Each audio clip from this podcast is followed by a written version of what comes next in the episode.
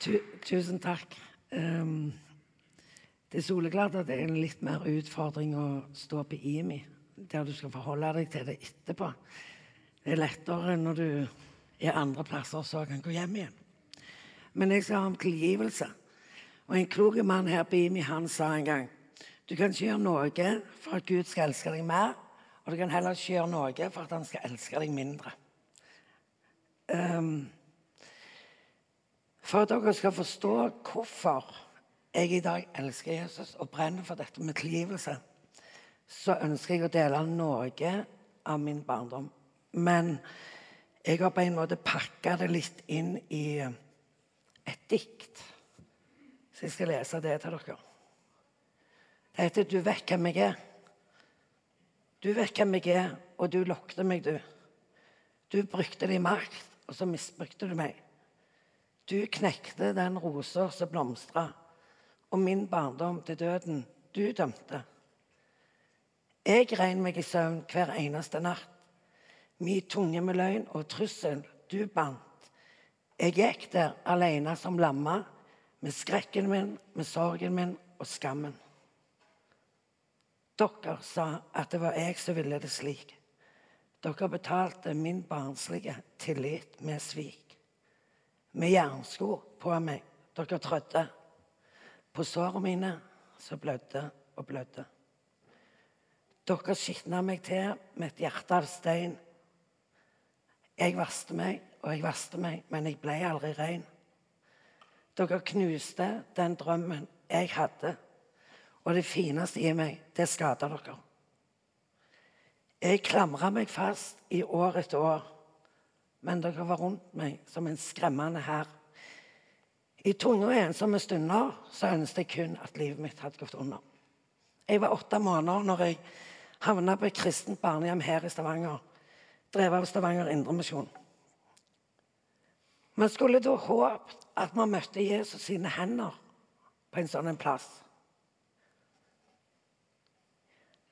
I den ondskapen som jeg og to søsken vokste opp i, så pleide de å lese fra Bibelen der det står fordi at når jeg var redd, så sprang jeg opp og la meg sammen med søsteren min som var fem år eldre enn meg. Så tok de fram Bibelen så leste de to og to ligger i samme seng. Den ene blir tatt med, og den andre blir lagt tilbake.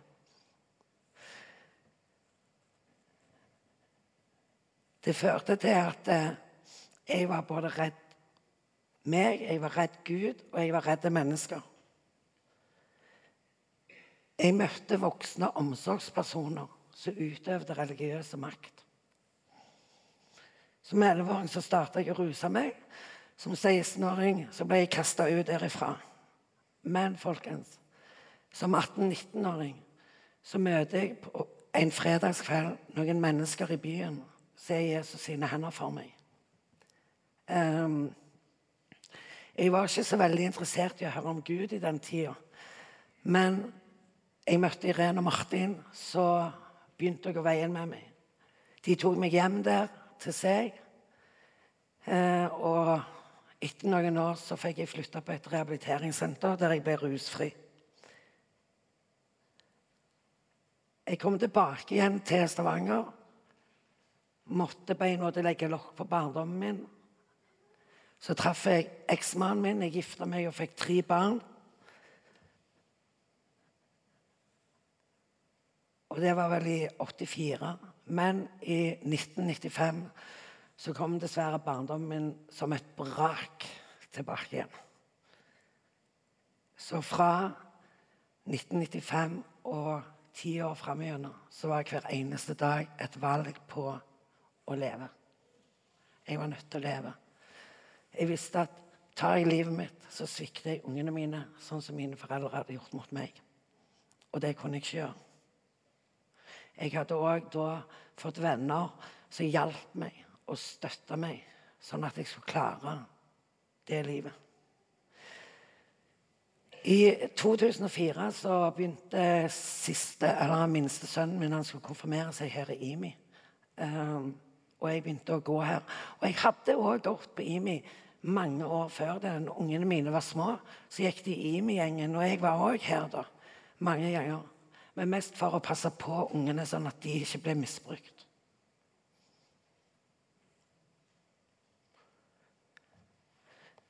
Når Nikolai begynte å konfirmere seg i IMI, så begynte òg spørsmålene mine å stille meg. For jeg så at disse menneskene har noe jeg ikke har. Jeg hadde sett dem på Irene og Martin, jeg hadde sett dem på Fredens bolig, på det avrusningssenteret. Og jeg så det på venner jeg fikk i IMI.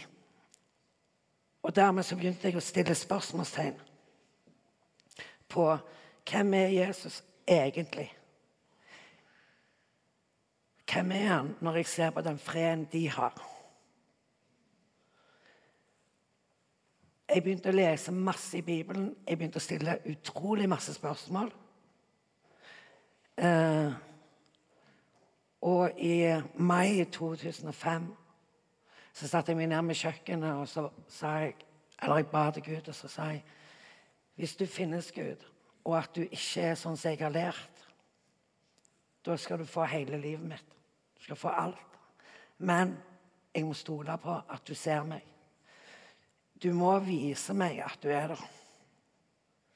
Og det skjedde ufattelige ting. Masse ting i livet der jeg så at Gud var der. Men samme året så dette skjedde, så kom òg barnehjemssaken opp i Stavanger. Der vi hadde lange politiavhør. Det var gransking, og det var ganske tøft. Ehm, sånn at ehm, jeg gikk på en måte og skifta i hodet mitt på at det var en Gud på ene siden som var vond, og så var det en Gud som var god. Men jeg kjente jeg måtte finne den Gud som var god. Så var det noe, mange ting i livet mitt som plutselig begynte å plage meg. Jeg begynte å lese masse masse i Bibelen. Jeg lærte mye om han fordi jeg plutselig var åpen nok til å sitte og høre på hva de sa her inne. Og jeg begynte å stille spørsmål til venner. Så fikk jeg tilbud av Fordi at samvittigheten begynte plutselig å plage meg. Jeg som ikke hadde hatt samvittighet. Eh, og det begynte å plage meg ting jeg hadde gjort i livet. Så hadde jeg noen smarte venner som sa til meg at det, du kan skrive alt ned på et ark. Inger. Jeg, vi trenger ikke lese det, for Gud ser hva du gjør. Og på den måten så fikk jeg skrive ned masse ting som plagte meg. Ting jeg hadde gjort, mennesker som hadde plagt meg. Eh, og så på kvelden så brant vi det i et bål. Og det skjedde egentlig ikke så veldig mye den kvelden utenom at jeg syntes bålet var ufattelig fint. Og at det brant fort opp. Dagen etterpå, fordi at jeg var i gransking og jeg var i politiavhør, så hadde jeg òg anmeldt mennesker. Eh, men så kjente jeg at eh, jeg kan ikke bruke tid på dette. Jeg kan ikke prøve å søke etter kjærligheten, tilgivelsen i Gud, samtidig så jeg skal sette meg ned jeg skal anmelde folk hvis skal gå i rettssak med dem.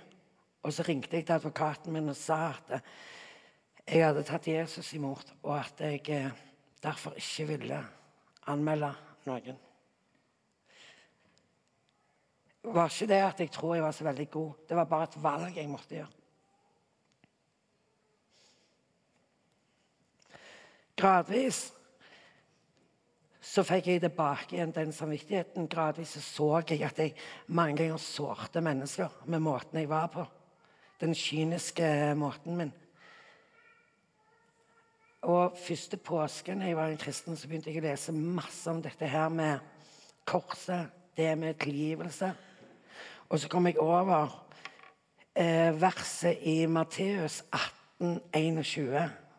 Der står det Da gikk Peter til han og spurte. Herre, hvor mange ganger skal min bror kunne forgå seg mot meg, og jeg likevel tilgi ham? Ikke syv ganger, svarte Jesus, men 70 ganger syv. Nå fikk jeg noen i matte på skolen, men jeg vet at det er 490. Lenger nede i fortellingen så møter vi han som er blitt frigitt 10 000 talenter.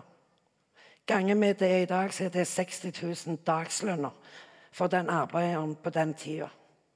Han hadde ingenting å betale med, Men Herren ville da selge han med kone og barn, slik at han betalte sin gjeld. Tjeneren kasta seg ned foran han og sa, 'Vær tålmodig med meg, så skal jeg betale alt tilbake igjen.' Da syntes Herren synd på han og lot han gå. Utenfor så møtte samme tjeneren en av sine tjenere. Så skyldte han kun 100 denarer, altså 100 dagslønner. En dråpe i havet i forhold til hva han nettopp var blitt tilgitt. Men han tok strupetak på han og sa, 'Betal det du skylder.' Tjeneren kasta seg foran han og sa, 'Vær tålmodig med meg, så skal jeg betale.' Men tjeneren kasta han i fengsel, og der skulle han være til alt var betalt. Andre tjenere som så dette, så hva som skjedde, gikk til sin herre og fortalte alt de hadde sett. Herren kalte tjeneren til seg og sa, 'Din usle tjener, jeg etterlot deg hele gjelden fordi du ba meg om det.' Burde ikke du vært barmhjertig mot din bror? Herren ble sint og hev han i fengsel til all gjeld var betalt.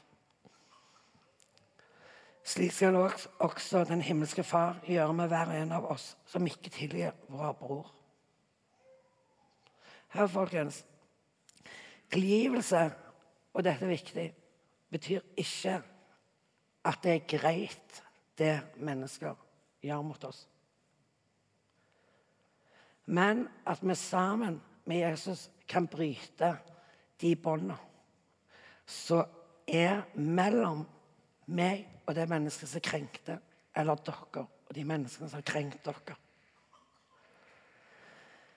Jeg hadde nå blitt kjent med en kjærlig Gud. Ikke den guden jeg hadde lært om som liten, han som straffet oss. Og det var ufattelig mye inni meg jeg verken hadde evne eller klarte tanken på å tilgi de menneskene som hadde krenka meg. Jeg hadde dype sår og arr inni meg. Men jeg visste allikevel at det er rett å gjøre det fordi at Jesus har gitt meg min tilgivelse. Og den gleden over å være tilgitt sjøl, den var ufattelig stor.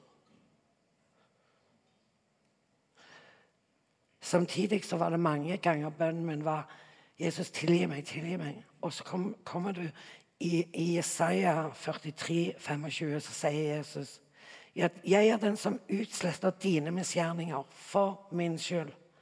Dine synder kommer jeg ikke mer i hu. Han tilgir, og han glemmer. Han glemmer de tingene vi har gjort.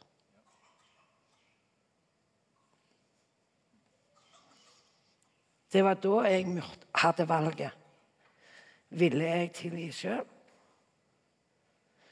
Men hvordan vil jeg finne mot? Hvordan vil jeg finne mot til å tilgi?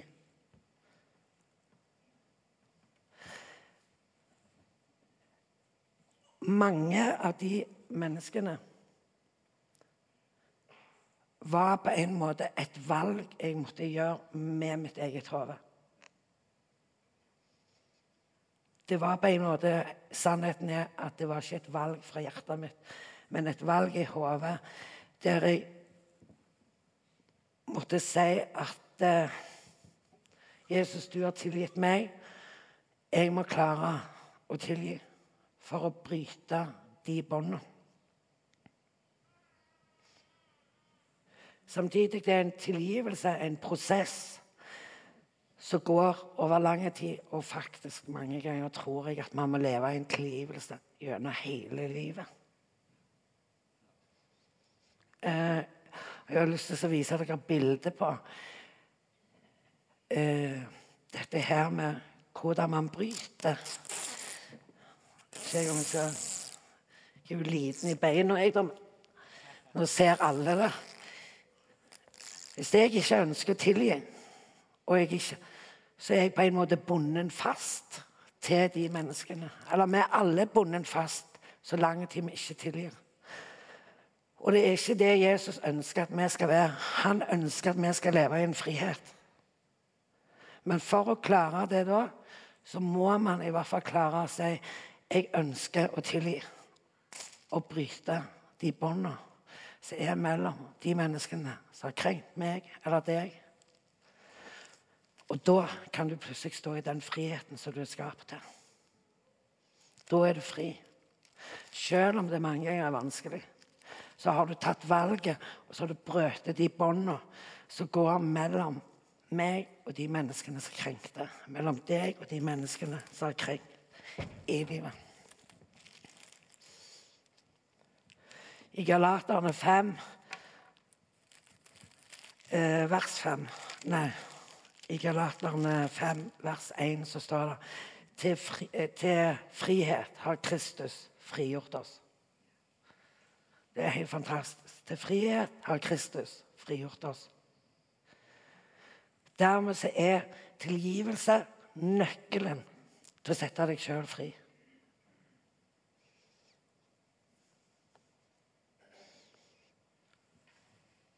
Jeg visste nå at med den tilgivelsen så var jeg på en måte fri.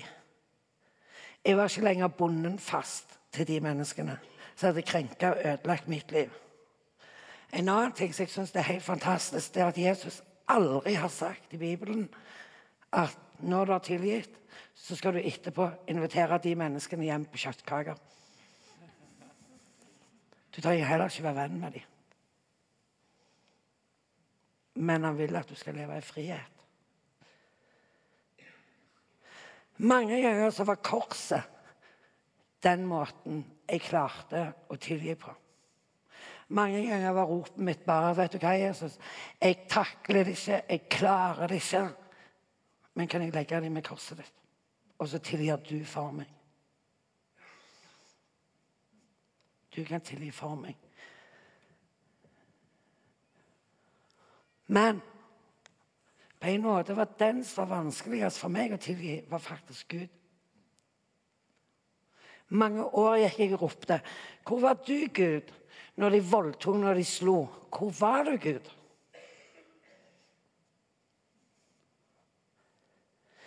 Bare en liten, liten historie der som gjør at jeg kan se den røde tråden på hvor han var. For faktisk, selv om jeg har fortalt dere at det var mye vondt der, så var det gode mennesker. Det var noe som ga input til noe godt i livet. Jesus hadde vært der, men jeg hadde ikke sett det. Det var en jul. Jeg var fire og et halvt år, og den dagen ringte min mamma på døra nede på det barnehjemmet. Hadde med seg julegaver. Det de voksne gjorde, det var at de skudde ned trappene, og så lukte de døra når vi så hun lå i snøen med julegavene rundt seg. Den julen så bestemte jeg meg for at jeg aldri mer skulle grine. Jeg skulle ikke stole på voksne. jeg skulle aldri mer grine. Alle vi som er voksne her inne, vet at fire års gammelt, fire års gammelt barn det griner. Du klarer ikke å stoppe den gråten når de faller. Hva som helst. Jeg felte aldri en tåre etter den julaften. Og mens jeg skreik og ropte til Gud 'Hvor er du, Gud?' Så finner jeg i Salme 56, 9, så står det Du har skrevet opp hvordan jeg har flakket omkring, og, og mine tårer har du samlet i din flaske. Der òg var Jesus. Der ingen andre mennesker var, der var han allikevel. Og så beskytta han de tårene mine sånn at jeg gradvis kunne få lov å slippe de ut etter hvert som jeg fikk bearbeide sorgen, skammen min, tilgivelsen. Så kom tårene tilbake igjen. Nettopp fordi at jeg fikk slippe han inn. Jeg oppdaget òg da at eh, hvis jeg går ned og slår Geir, så er det min hånd som slår. Det er aldri Gud. Det er min hånd som velger det, ikke Guds hånd. De som jobbet der nede, Mange av de som jobbet der nede, valgte å ikke være hans hender. Og jeg tror at Jesus grein sammen med oss over det valget de gjorde. Og alle vi som er her inne, er kalt å være hans hender. Ja, det kan koste mye. Kan koste mye. Det trenger ikke koste økonomi, å være økonomisk, men det kan koste deg mye av tida di.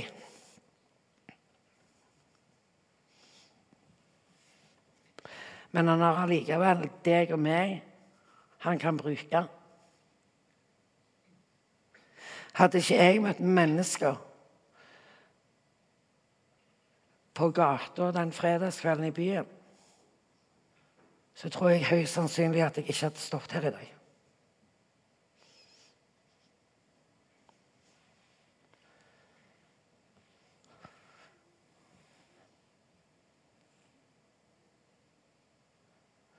Kanskje hvis vi velger å være hans hender og går inn i det, så vil det stå andre på IMI om en stund og si at nettopp fordi at jeg møtte noen som var Jesus sine hender, så ble livet bra igjen. Det skal ofte ikke så veldig, veldig mye til for å kunne redde både en ødelagt barndom og et voksent liv. Det skal bare til det der å få lov å møte Jesus sine hender. Bli kjent med han og se at han faktisk bare er kjærlig.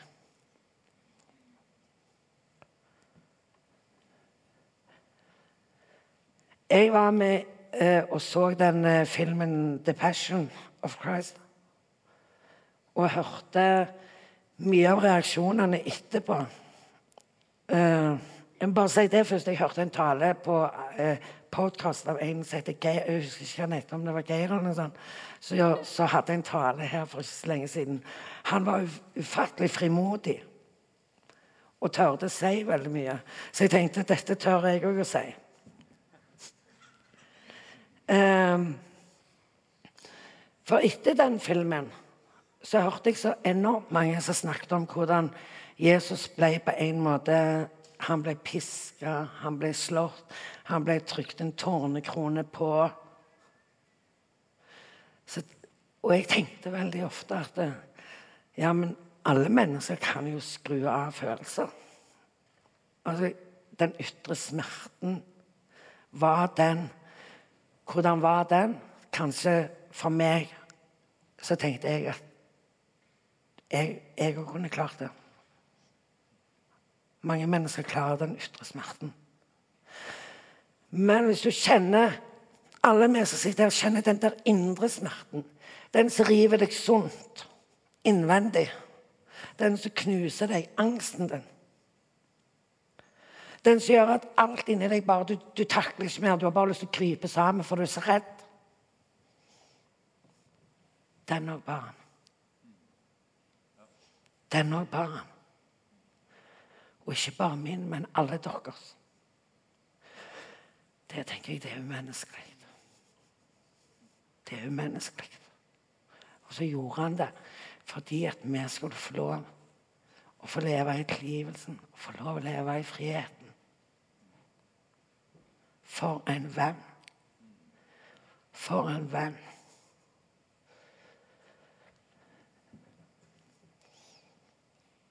I Isaias 53 så står det sannelig våre sykdommer tok han på seg, og vår smerte bar han. Vi trodde han var blitt rammet, slått av Gud og plaget. Men han ble såret for våre overtredelser. Han ble knust for våre misgjerninger. Straffen lå på han for at vi skulle ha fred. Og med hans sår har vi fått legedom. Jeg er så vanvittig glad for at jeg har fått møte ham. Jeg er så vanvittig glad for at det var mennesker gjennom mitt liv som viste meg hvem han var. Og at jeg til slutt oppdaget det sjøl. Mest av alt at jeg til slutt oppdaget det sjøl. Sånn at jeg kunne få lov å leve mitt liv og resten av mitt liv sammen med ham. For det er kun i krafta av Han at jeg kan leve i frihet, og at dere kan leve i frihet. Jeg har gått en vei der jeg har tilgitt. Jeg har brødet bånd. Men jeg blir stadig minnet på det. Jeg møter stadig mennesker. Jeg kjenner at dette er vanskelig.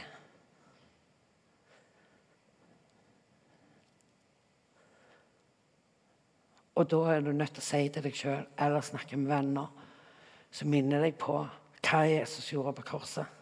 Hva valg du sjøl har tatt. Og si at 'jeg har tatt valget'. Jeg har tatt valget. De menneskene får bare gå den veien de vil, men jeg må gå min vei.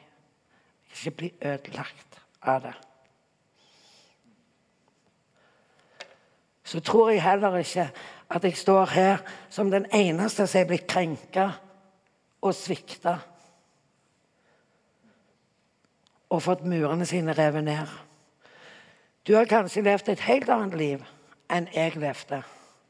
Men valget Valget med tilgivelse, det er vårt. Det har vi prikk likt.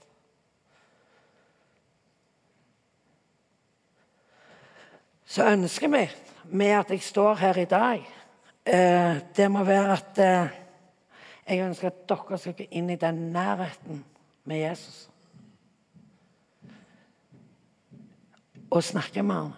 Hva er det i mitt liv? som gjør at jeg kan slippe, sånn at jeg kan få lov å leve i den friheten du skapte meg til. Kanskje skrive en liste. Ingen trenger se den. Men mest av alt å gi det fra deg til han som gikk den vanvittige veien og døde på et kors. Med den angsten og den smerten det må ha vært for ham. Hans vei til korset var for å sette meg og deg i frihet.